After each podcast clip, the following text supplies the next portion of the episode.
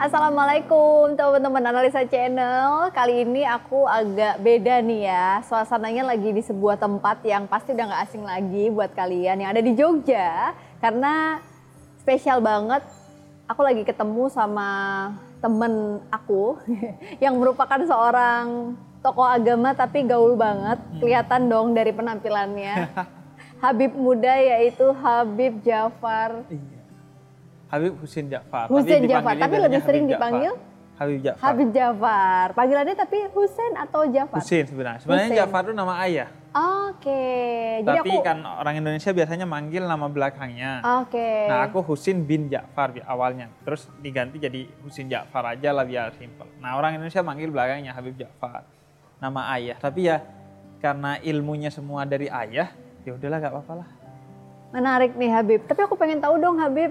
Eh, ini kan kalau dilihat nih ya, aku tadi barusan ngepoin teman-teman. Habib Hussein Jafar ini followersnya 321 ribu dan subscribernya 426 ribu di platform eh, Jeda Nulis ya. Iya nama YouTube aku itu. Dan tadi kita barusan habis kolaborasi untuk sebuah konten em, edukasi agama Cahaya untuk Indonesia. Iya. Di situ Habib juga sebagai hostnya. Kita ini ya bertukar ilmu psikologi dan agama. Agama. Nah, Habib pengen tahu dulu nih sebelum kita ngelihat em, tentang kegiatan Habib dan lain sebagainya. Ini banyak yang penasaran juga kayak aku tadi awal Habib itu istilah apa sih dan kenapa seseorang diberi nama Habib gitu. Bedanya sama Ustadz apa sih Habib?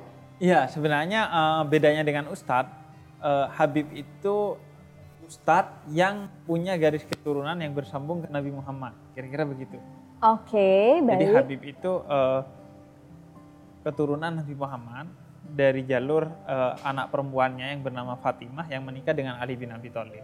Semua jalur keturunan nantinya lewat laki-laki kecuali kata Nabi yang Fatimah ini karena Nabi gak punya anak laki-laki makanya eh, jalur keturunanku melalui Fatimah ini. Nah orang yang punya garis keturunan bersambung kepada Nabi itu disebutnya Sayyid. Nah Sayyid yang punya ilmu yang seperti Ustadz itu biasanya disebut Habib. Masya Allah. Jadi Jadi itu yang- memang ada garis keturunan dengan Rasulullah. Iya, tapi Habib itu sendiri secara bahasa itu artinya yang dicintai dan yang mencintai. Makanya Kayak banyak yang dikasih Habibi. nama Habib ya, Iya, Habibi. Itu Habibi, artinya itu. itu ar- Habibi itu artinya kekasihku. Hmm. Jadi karena itu seorang Habib itu harus memiliki nilai-nilai cinta baik dalam mencintai orang lain maupun dicintai orang lain. Jadi dia memantaskan dirinya untuk dicintai orang lain dan bukan hanya minta dicintai, tapi dia juga mencintai orang lain. Apa pun keadaannya orang lain itu, mau itu satu agama, beda agama, satu bangsa, beda bangsa, pokoknya siapa pun kita cintai. Oke, Habib, ini menarik banget ya karena Habib ini kan juga terkenal dengan sosok yang memberikan dakwah Islam melalui platform digital, Iya. ya. Kebetulan kita umurnya hampir-hampir sama gitu ya, generasi Ah, milenial. Generasi milenial. Ini kenapa nih dan motivasinya apa waktu Habib dulu pertama kali menjadi pendakwah digital gitu? Motivasinya pertama gini, Allah katakan dalam salah satu hadis Nabi sebenarnya, kalau ada pemuda yang taat kepada Allah itu mengundang senyumnya Allah. Hmm, Kalau ada pemuda yang melawan sofahnya, sofah itu kesia-siaan. Jadi bukan hanya gak maksiat, tapi ya gak main game yang gak ada gunanya misalnya. Tapi kalau main game hanya buat fun ya gak apa-apa. Tapi kalau cuman membuang waktu, orang pemuda yang bisa melawan itunya untuk kemudian masuk ke ketaatan itu mengundang senyumnya Allah. Jadi bayangin kalau kita bisa mengajak orang untuk jadi taat, berarti kuadrat tuh mengundang senyumnya Allah tuh kuadrat. Jadi itu motivasinya. Kemudian yang kedua, kalau yang ngurusi dakwah ke anak muda itu masih sedikit. Yang ngurusi dakwah ke orang tua kan banyak di masjid-masjid. Saya tuh pernah dapat eh, jadwal khutbah Jumat itu setahun hanya dapat sekali. Karena saking banyaknya sudah yang khutbah Jumat. Ustadz di masjid itu kepada orang tua atau kepada anak muda yang sudah baik, yang sudah taat itu banyak sekali. Yang sedikit, yang krisis itu tokoh yang mau mengajak anak muda ke kebaikan dan tidak di masjid, tapi melalui media sosial, melalui kafe-kafe, melalui tempat-tempat seperti ini untuk ngajak mereka ke kebaikan. Nah itu itu motivasinya sebenarnya. Masya Allah, ini keren banget Habib ya, karena aku juga setuju banget. sebagai anak muda juga Iya. gitu ya. Kita kan sebenarnya butuh belajar agama. Mm. Tapi kadang-kadang tuh mau dengerin dakwah atau mungkin ikut pengajian aja Hmm. ketika yang datang usianya adalah usia seorang tua kita tuh kayak rasanya aduh aku rasanya kurang nyaman nih Kurang karena nyaman. aku jilbabnya misalnya masih pendek karena aku Iya. mungkin sholatnya belum yang tepat waktu banget kadang kita ada rasa takut gitu Iya. nah Habib pengen mengedukasi teman-teman untuk belajar agama itu tidak tidak boleh uh, atau tidak perlu ada rasa takut Tidak perlu ada rasa takut dan bahkan aku bilang gini, Bib saya gak pakai kerudung, boleh nggak ke pengajiannya nah Habib? uh-uh, itu gimana tuh Habib Kata kata saya kalau nggak pakai kerudung nggak apa-apa, tapi kalau nggak pakai akal nggak boleh. Karena modal utama ke pengajian itu pakai akal dan pakai hati. Justru yang nggak pakai kerudung lebih saya prioritaskan. Karena? Agar dia kemudian berkerudung. Masya Kan Allah gitu, visi dakwah itu kan gitu Iya, ngajak. iya, benar-benar. ngajak. Dan yang kedua, dakwah itu untuk mengarahkan orang pada hidayah. Hidayah itu secara bahasa Arab satu akar kata dengan hadiah. Maka cara kita berdakwah harus seperti orang memberi hadiah. Dengan cara yang menyenangkan, bukan neraka, neraka, neraka. Tapi dengan cara yang men- menyenangkan. Ya minimal kita jangan sampai lebih buruk dari kernek bis yang ngajak orang untuk naik ke bisnya itu kan, ayo pak silakan dibawain tasnya, tempat duduknya dirapikan. Ya pendakwah juga harus begitu. Karena itu dia harus punya hikmat, kerendahan hati untuk melayani orang tanpa pamrih untuk mengajak orang pada kebaikan. Dan tanpa tendensi apa pun. Tanpa melihat, wah ini bertato ya udah enggak, oh ini nakal, oh ya enggak, enggak. Sekaligus juga memberi ruang bagi anak muda. Karena kalau anak muda tadi eh, Mbak Ana cerita di masjid, itu jangankan ilmu agamanya ya. Kalau tema temanya pasti kadang nggak kena ke anak muda. Karena temanya anak muda kan beda dengan temanya Benar, orang tua. benar, benar. Bahasanya juga nggak kena. Curiosity atau keingintahuannya juga beda, Beda. gitu kan. Bahkan humornya juga humor bapak-bapak komplek itu nggak cocok dengan anak muda bahkan. Iya, iya, iya. Nggak iya, lucu benar. bagi anak muda. Aduh, humor Iya, iya, iya. humor-humor pelesetan Jadi tuh emang Habib pengen masuk ke area dakwah untuk teman-teman yang masih usia milenials ini. masih milenial. Karena kan eh, agama itu kan harus eh, dibumikan sedini mungkin sebenarnya. Iya, iya. Setuju. Semudah mungkin agar apa? Agar agama itu tidak hanya dihayati sebagai satu doktrin, ajaran, sholat, puasa, zakat, haji enggak, tapi agama jadi gaya hidup dia sudah. Karena agama ini punya tools-tools agar kita sebenarnya bahagia dalam kehidupan kita sejak di dunia. Dan psikologi juga kan sebenarnya Sama, gitu kan. iya. Harus harusnya dibumikan kan. Bahasanya tuh yang mudah dipahami dan orang tuh bisa langsung nangkep. Dan yang paling penting kan sebenarnya tujuan kita mengedukasi tuh orang bisa terinfluence atau terpengaruh gitu ya. Habib ya.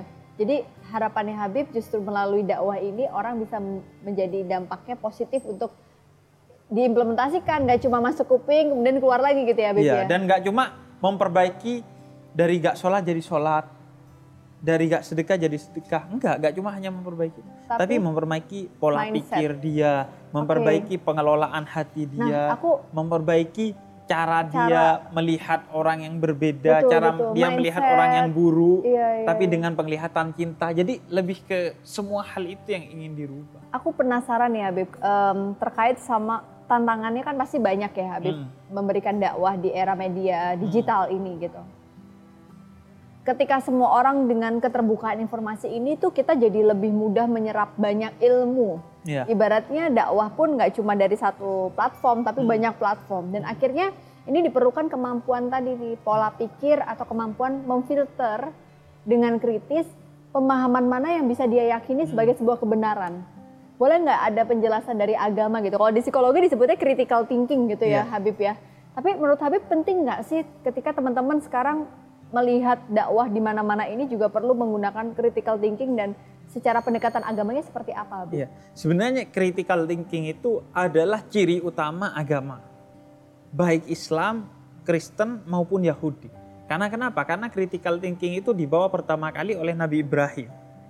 Di mana itu dikisahkan dengan detail sekali di dalam Al-Qur'an. Bagaimana bagaimana Nabi Ibrahim itu sangat kritis. Bahkan dalam perkara-perkara ketuhanan. Kata Nabi Ibrahim dulu orang itu nyembah matahari. Kemudian kata Nabi Ibrahim, kalau kamu nyembah matahari, siang doang, malamnya ke mana Tuhan kamu? Oh iya ya udah saya nyembah bintang dan bulan. Kemudian kalau nyembah bintang dan bulan, siangnya siapa yang melindungi kamu? Hmm. Karena gak ada Tuhannya siang. Oh ya udah, kalau gitu saya nyembah matahari, bintang dan bulan. Masa Tuhan ada dua gitu? Pengambil keputusan utamanya siapa? Jadi mengajak orang untuk kritis tentang ketuhanan, tentang keberagamaan dan tentang segala sesuatu terkait dengan agama. Makanya kalau nilai kritis itu hilang dari agama, dia menghilangkan pondasi utama agama, baik itu Kristen, eh, Yahudi maupun Islam. Jadi justru harus dikritis. Mau omongan itu dari ustadz mana pun, harus dikunyah dulu, jangan langsung ditelan. Karena problem agama itu, pengajaran agama itu biasanya dogmatis. Hmm. Nanya kita kenapa begini, maksudnya apa nanya? Ya, kamu ya, ya, tentang ya. Quran, kamu tentang hadis. Betul betul betul. Makanya salah satu pendekatanku adalah rasional, menjelaskan aspek-aspek rasional atau aspek-aspek ta'akuli kalau dalam bahasa agamanya dari agama itu sendiri sehingga orang menerima agama itu bukan sebagai satu ketentuan yang wajib, tapi memang dengan kesadaran oh iya karena memang ini yang terbaik. Aku suka banget statementnya Habib yang tadi nih bahwa tujuan dakwah itu bukan hanya sekedar kita yang tadinya nggak sholat jadi sholat, yang berhi- tidak berhijab jadi berhijab, tapi lebih ke mindset dan belief system Iya. gitu ya.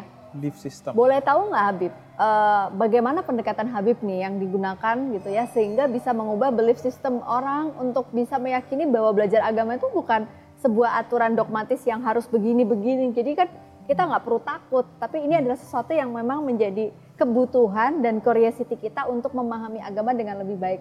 Boleh cerita nggak Habib? Mungkin gimana sharingnya? Kan Habib juga suka Iya, iya. nulis Ah, ya. ah, ah. Habib juga suka sharing di beberapa platform Hmm. dan tadi juga Cahaya untuk Indonesia juga gitu. Seperti apa sih pendekatan yang tepat gitu? Karena kalau dari psikolog sendiri kita ya dengan bahasa yang tidak menakut-nakuti salah satunya gitu. Salah Kalau Habib sendiri bagaimana Iya. selama ini? Jadi sebenarnya kan eh, soal metode itu psikolog itu sebenarnya lebih banyak investasinya. gitu ya. Iya kan, seharusnya kita belajar pada psikolog, kita belajar pada guru bagaimana cara menyampaikan, mendeliver. Mhm. Iya, Karena iya. kita hanya punya konten, kita punya Quran dan hadis, tapi cara penyampaiannya itu ada memang yang disebut kemudian eh, metode dakwah atau fikih dakwah. Tapi juga kita harus belajar, kita terbuka pada metode pengajaran yang berkembang. Even itu datangnya dari barat, kalau itu memang positif, produktif, kita juga ambil itu sebagai metode dakwah. Tapi eh, patennya secara umum itu tiga kata Nabi dalam salah satu hadisnya kepada Muad bin Jabal. Jadi Muad bin Jabal ini sahabat Nabi yang cerdas diutus ke Yaman untuk menyebarkan agama Hmm, Islam. hmm. Kata Nabi pegang tiga hal. Apa itu? Mu'ad. Pertama sebarkanlah Islam dengan kegembiraan bukan dengan ketakutan. Sebarkan Islam dengan kegembiraan bukan ketakutan. dengan Oke, ketakutan. yang kedua Yang kedua yasir wala tu'asir, permudah jangan persulit. permudah jangan persulit. Oke. persulit. Jadi Bib saya gak bisa sholat berdiri ya udah sholat duduk. Oke. Bib saya gak bisa sholat duduk ya udah sholat berbaring. Bib saya gak bisa sholat berbaring ya udah sholat pakai mata. Bib saya gak bisa sholat pakai mata karena kelilipan gitu ya udah sholat pakai hati. Hati pun saya gak bisa Bib. Saya gak bisa sholat pakai hati ya udah kita sholati bareng-bareng kan begitu. Iya jadi memudahkan Islam. Iya, iya, iya. Mempermudah Oke. tidak mempersulit. Kemudian yang ketiga adalah mempersatukan bukan mencerai-beraikan. Nah ini sekaligus poin yang harus kita pegang dalam mencari guru. Kalau guru agamamu pertama menyebarkan ketakutan bukan kegembiraan, maka kamu berhak atas nama Nabi untuk belajar ke guru yang lain. Yang kedua, kalau guru agamamu selalu mempersulit, kamu mau tobat, waduh dosa kamu udah banyak. Kamu apa? Ya dulu saya mabuk. Waduh kalau mabuk repot. Kamu saya dulu zina. Waduh apalagi zina. Ah itu tinggalkan atas nama Nabi juga. Mempermudah. Kamu berapa dosanya kata kata seorang pemuda datang kepada Nabi, saya punya dosa banyak Nabi. Berapa dosanya kata Nabi? Sebesar gunung kata pemuda ini. Kata Nabi ampunan Allah lebih besar dari gunung. Seluas samudra, ampunan Allah lebih luas dari samudra. Sebesar semesta Nabi, kata dia, dosa saya. Kata Nabi kamu punya Tuhan yang maha besar ampunannya. Jadi mempermudah. Dan yang ketiga, kalau ada tokoh agama atau guru agama yang ketika kita belajar pulang-pulang kita jadi benci sana sini. Nah itu berhak ditinggalkan atas nama Nabi. Oke, menarik banget nih Habib. Jadi tinggalin. Jadi, tuh. Menenangkan begitu-begitu. ya buat kita ya eh, yang yang mungkin teman-teman milenial menurut aku tuh kan agama juga satu pemaknaan yang proses never ending learning journey gitu, perjalanan yang nggak pernah selesai kita harus belajar terus seumur hidup kita Nah, gitu itu ya. Itu itu sebenarnya poin dan kata-kata yang penting sekali bahwa agama itu perjalanan tiada akhir kecuali maut yang memisahkan.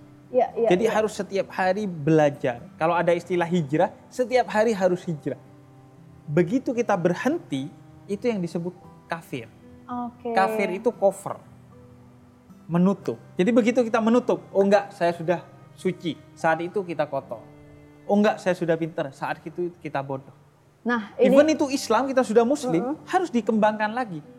Belajar nggak lagi, boleh belajar berhenti lagi. gitu ya. Nggak nah, boleh berhenti. menarik nih Habib. Ketika tadi juga kita sepakat, oke jangan menakut-nakuti dan lain sebagainya gitu. Tapi kan sekarang netizen tuh maha benar juga gitu ya di Hmm. era internet sekarang yang di mana sebenarnya banyak banget eh, jalan dakwah melalui platform media digital ini yang membuat orang itu, eh, kalau saya lihat fenomenanya kita tuh kayak nyari pembenaran yang sesuai sama keyakinan kita. Misalnya nih, ah saya belum bisa belum bisa menjalankan amalan ini, saya mau cari ulama yang membolehkan ini nih.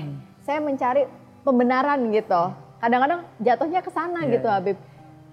Dan belum lagi di antara netizen sendiri sebenarnya ulama dan tokoh agama ini tidak tidak mem- membawa kepada perpisahan atau Perpecahan. perpecahan, tapi netizen nih salah satunya tantangannya netizen berkomen pedas.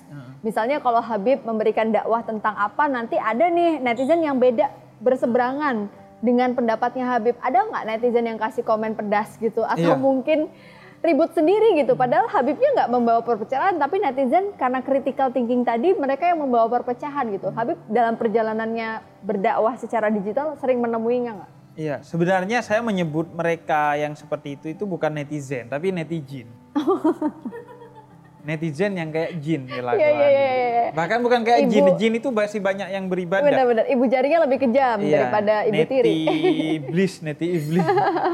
Ini tuh banyak loh Habib yang kayak menyerang gitu Iya, kan. jadi pertama, jadi saya menyebut itu netizen dan saya tidak memberikan investasi waktu, apalagi pikiran, apalagi hati satu inci pun kepada mereka.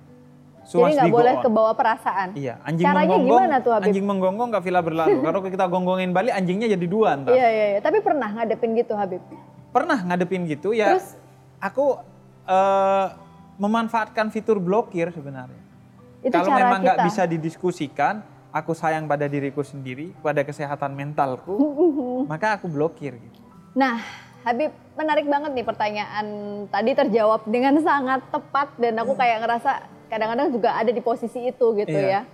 Biarkan saja anjing menggonggong kafilah tetap berlalu, yang penting nawaitunya gitu. Iya, nawa itu. Nah, sekarang gimana nih eh, Habib ketika kita sebagai follower, sebagai subscriber, sebagai netizen supaya nggak jadi netizen? Iya. Pertama eh, Allah bilang ya ayyuhalladzina amanu in ja'a fasikan binaba'in fatabayyan. Jangan percaya kepada hoax. Harus critical thinkingnya tadi ya Critical thinking. digunakan. Dengan berbagai hal. Intinya mawas diri pada hoax. Jadi kita itu muslim dididik untuk hakul mubin. Eh, kita seorang muslim itu dididik untuk hakul yakin. Percaya kepada yang benar. Hmm. bukan hoakul yakin, bukan percaya kepada hoak. Jadi apa yang benar baru kita percaya. Karena itu kata Allah setiap dapat berita pertama itu taba, eh, tabayun. Eh, verifikasi dulu beritanya. Kalau setelah sudah diverifikasi kemudian eh, klarifikasi ke orangnya langsung. Benar nggak kamu bicara begini? Dan yang ketiga kalau nggak bermanfaat walaupun itu benar ya nggak usah disebarin kalau memang nggak ada manfaatnya karena manusia itu harus baik dan sebaik-baiknya manusia adalah yang bermanfaat bagi orang lain khairun nas anfa'uhum linnas kata Nabi jadi kalau nggak bermanfaat walaupun itu benar nggak ada maslahatnya nggak ada kebaikan bagi orang ya udah nggak usah Ditinggalkan. Iya. karena itu bahaya banget Imam Bukhari itu mengumpulkan eh, ham- eh, 600 ribu calon hadis 600 ribu kata-kata yang kalimat-kalimat yang disebut hadis ternyata sisanya 2.700. Jadi yang ratusan ribu itu semua bohong. Jadi dari sejak zaman dulu. Sudah ada sebenarnya Sudah hoax ada. itu ya. Dan kematian Sayyidina Utsman bin Affan, Khalifah ketiga, itu kan menjadi simpang siur. Dan akhirnya umat Islam saling bunuh satu sama lain karena hoax tentang siapa pembunuh Sayyidina Utsman itu. Dan yang yang saling bunuh itu orang-orang besar di Islam pada saat itu. Jadi pertama ya jangan percaya hoax, selalu verifikasi, eh, jangan menyebarkan sesuatu yang tidak ada manfaatnya. Dan eh, yang juga penting dalam bermedia sosial itu tadi critical thinking selalu kritis dalam melihat segala sesuatu dan berorientasi untuk menjadikan media sosial itu ya ladang amal gitu. Bukan sekedar buat main-main aja enggak. Apalagi kalau jadi tempat menebar hoax, kebencian dan lain sebagainya sudah pasti enggak. Wow, masya Allah ini ini menarik banget ya Habib karena artinya critical thinking itu kan kita bertabayun. Hmm mempertanyakan lagi kebenarannya. Kalau dalam Islam tadi Habib mengatakan itu tabayun. Iya. Jadi kalau netizen tidak punya akses untuk tabayun dengan uh, sosok yang dia follow, artinya apa yang harus dilakukan supaya hatinya bersih gitu Habib. Karena gini nih, kadang-kadang kalau orang lagi kecewa, orang lagi sedih, orang lagi baper, itu ada aja mencari kesalahan dan iya. bagaimana yeah. caranya mengembalikan ke Allah supaya kita bertabayun sama Allah gitu. Yeah sebagai kesimpulan juga di sesi ini Habib. Nah, sebenarnya uh, menangguhkan apa pun yang kita tidak bisa verifikasi. Oh kita nggak punya akses untuk verifikasi ya udah kita nggak usah ngurusi itu tangguhkan aja. Tinggalkan saja. Berarti sesuatu itu nggak penting. Kalau kita, penting pasti kita akan mengejar untuk ditabayuni, untuk diverifikasi gitu. Kemudian uh, yang kedua menghadirkan hati dalam media bermedia sosial. Ini kan yang hilang dari media sosial itu adalah kehadiran hati. Kita hanya menghadirkan, ya mentok pikiran. Hmm. Untung-untung nggak nafsu. Bermedia sosial itu untung-untung nggak nafsu. Karena kalau melihat uh, datanya, itu orang orang Indonesia menurut WR Sosial 2019 itu orang Indonesia rata-rata menghabiskan waktu delapan setengah jam. Untuk menggunakan media sosial. media sosial. Saya curiga kok kayaknya nafsu ya kalau untuk delapan setengah jam media sosial itu kayaknya nafsu bahkan bukan pikiran, apalagi hati gitu. Karena kalau orang nggak pakai nafsu seharusnya tiga jam, empat jam Sudah paling cukup. banyak. Iya, iya. Karena kenapa? Karena 8 jam jelas untuk kerja. Betul, betul. Rata-rata ya. Berarti PNS, kemudian kerja, pegawai 8, kerja, 8 jam hmm. untuk kerja. 8 jam untuk uh, tidur, istirahat. 8 jam untuk medsos, kapan untuk keluarga? kapan untuk istirahatnya kapan dan lain sebagai ibadah gitu ya. Kapan untuk ibadah. Jadi memang kayaknya kita terlalu mengedepankan nafsu dalam bermedia sosial sehingga ke mana-mana. Dan akhirnya menjadikan media sosial men, se, sebagai tempat mencari pembenaran bukan kebenaran. That's good Cermat. point.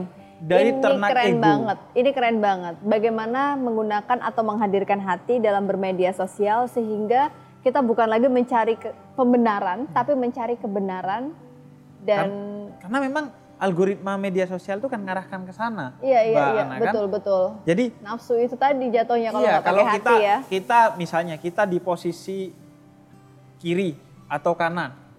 Sekali kita buka informasi tentang kanan atau kiri, akan maka muncul. algoritma akan menggiring kita semakin ke kanan atau semakin ke kiri. Jadi nah, itu apa yang, harus diwaspadai. kita follow, apa yang kita asup itu benar-benar harus bisa uh, membuat ranah hati kita juga positif. Iya itu ya Habib dan, ya. Dan ini saya suka bilang kamu ini diciptakan sebagai hamba yang merdeka oleh Tuhan, maka berdaulatlah dalam segala hal. Jangan mau ke distract algoritma, oh, jangan mau ke distract omongan orang. Enggak, kita mengambil segala keputusan karena kedaulatan diri kita, bukan karena apa pun. Kalaupun mempertimbangkan diri. yang lain, iya sebagai pertimbangan, tapi bukan yang kemudian menyebabkan kita memilih sesuatu karena itu. Karena bahkan orang tua pun nggak nggak gitu kita dilarang dalam agama memilih sesuatu yang vital karena orang tua. Oh milih jodoh karena orang tua. Oh milih agama apalagi karena orang tua. Oh milih ini itu karena orang tua. Enggak. Kebahagiaan itu tidak berarti kamu menggadaikan kebahagiaanmu demi kebahagiaan orang tuamu. Kebahagiaan yang sejati itu kamu bahagia bersama bersama orang tuamu. Bukan salah satunya mundur. Dan Jadi itu... menurut aku itu sih poin poinnya yang sangat sih. menarik banget nih Habib. Wow, ini memerdekakan diri dan kebahagiaan kita tidak tergantung oleh sikap maupun kebahagiaan orang lain. Iya, nggak terganggu. Orang kita kan banyak yang susah terganggu ngelihat ya. orang senang, senang Lihat ngelihat orang, lain susah. susah. Supaya kalian nggak senang lihat orang lain susah dan susah lihat orang lain senang, jangan lupa subscribe dulu ya uh, YouTube-nya Habib karena Habib ini aku lihat nggak dimonetize ya Habib nggak ada iklan sama sekali. Gak ada karena eh, ayahku sering bilang jadi tokoh agama itu kalau nggak bisa ngasih amplop minimal nggak nerima amplop. Masya Allah, itu keren banget Habib. Jadi follow langsung, uh, subscribe, uh, follow dulu Instagramnya Habib uh, Hussein Jafar ya.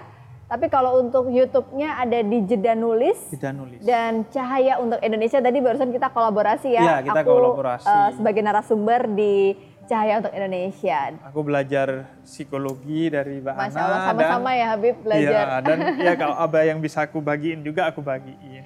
Dan Siap. memang semangat kita dalam hidup tuh harus saling belajar. Betul, Jangan betul banget. menutup diri dan jangan sok tahu tentang semua hal seperti netizen tadi.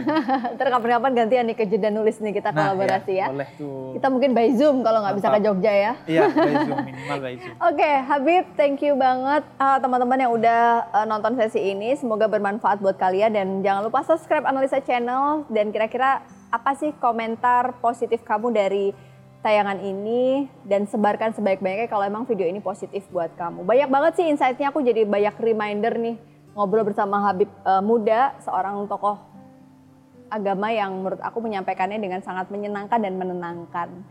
Sukses dan sehat Terima selalu kasih, Habib. Ana. Ini kita sudah sama-sama melalui proses pemeriksaan kesehatan yang menggunakan em, apa prokes ya. Iya, Insya Allah prokes, semoga sehat. masker, Habib juga semua. jaga jarak dan ini kita sengaja pilih yang open space nih teman-teman ya. Buat kamu di rumah jaga kesehatan dan jaga eh, kondisi pandemi ini semoga segera berakhir. Thank you, bye bye, assalamualaikum.